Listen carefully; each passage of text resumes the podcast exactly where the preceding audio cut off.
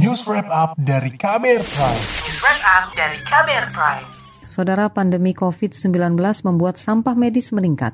Limbah medis itu antara lain baju hazmat, masker, dan alat infus. Jumlahnya bisa mencapai ratusan ton per hari.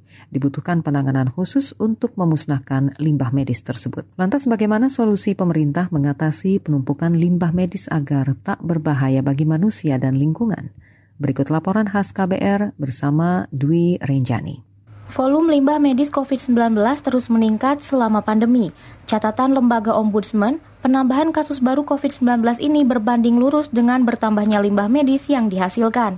Tim peneliti Ombudsman Moriana, dalam sehari limbah medis yang dihasilkan pasien COVID-19 mencapai 138 ton. Kasus COVID-19 yang terkonfirmasi aktif hingga 31 Januari sekitar 175 ribu kasus. Merujuk pada data Kementerian Kesehatan, rata-rata jumlah pasien yang dirawat di rumah sakit sekitar 42 persen dari kasus aktif. Jika 1,88 kg per pasien per hari, maka jumlah timbulan limbah medis dari COVID-19 saja bisa mencapai 138 ton per hari. Membakar menjadi salah satu upaya yang bisa dilakukan untuk memusnahkan limbah medis tersebut. Hanya saja, sisa pembakaran limbah medis itu berisiko dan memerlukan inseminator. Namun, ketersediaan inseminator di beberapa daerah masih terbatas. Anggota Ombudsman Alvin Lee menyebut tidak semua daerah atau rumah sakit memiliki inseminator. Pertama kita masih kekurangan ya, karena tidak setiap pasien itu mempunyai inseminator. Kemudian ada juga pasien-pasien kecil-kecil, mereka kalau akan membuat alat pembakar sendiri, itu mereka juga harus mengajukan izin karena kita harus meminimalisir dampaknya. Ketika kita membakar limbah medis, asapnya ini kan juga berpotensi membawa polutan-polutan yang berbahaya bagi kesehatan. Menjawab permasalahan itu, Direktur Jenderal Pengelolaan Sampah Limbah dan B3 Kementerian Kehutanan dan Lingkungan Hidup Rosan Vivi Ratnawati mengatakan, kementeriannya memberikan izin kepada rumah sakit untuk melakukan pembakaran dengan syarat suhu 800 derajat. Kalau insineratornya tidak memenuhi syarat, maka dapat berpotensi untuk menimbulkan pencemaran udara. Tapi kami tetap betul dengan hal itu. Betul bahwa insinerator itu harus e, mempunyai izin karena limbah medis atau limbah infeksius COVID-19 adalah termasuk limbah B3.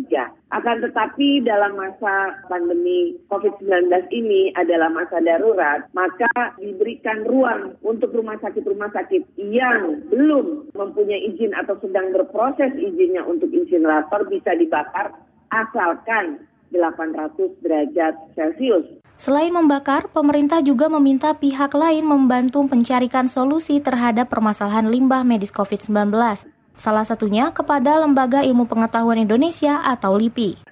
Menteri LHK bersama Pak Menristek sudah berbicara tentang hal ini karena LIPI, BPPT sudah punya teknologi untuk mengolah limbah medis dengan lebih baik. Maka kami sudah bicara dengan Kemenristek dan BPPT bagaimana mengembangkan hal itu karena sekarang juga ada vaksin yang disuntikan untuk vaksinasi dan itu pasti menimbulkan limbah medis. Kami sedang mengembangkan proses untuk bagaimana mengelola limbah vaksin ini. Peneliti Pusat Penelitian Kimia LIPI Sunit Suhendra mengatakan daur ulang dengan metode kristalisasi bisa menjadi pilihan mengurangi limbah sampah COVID-19.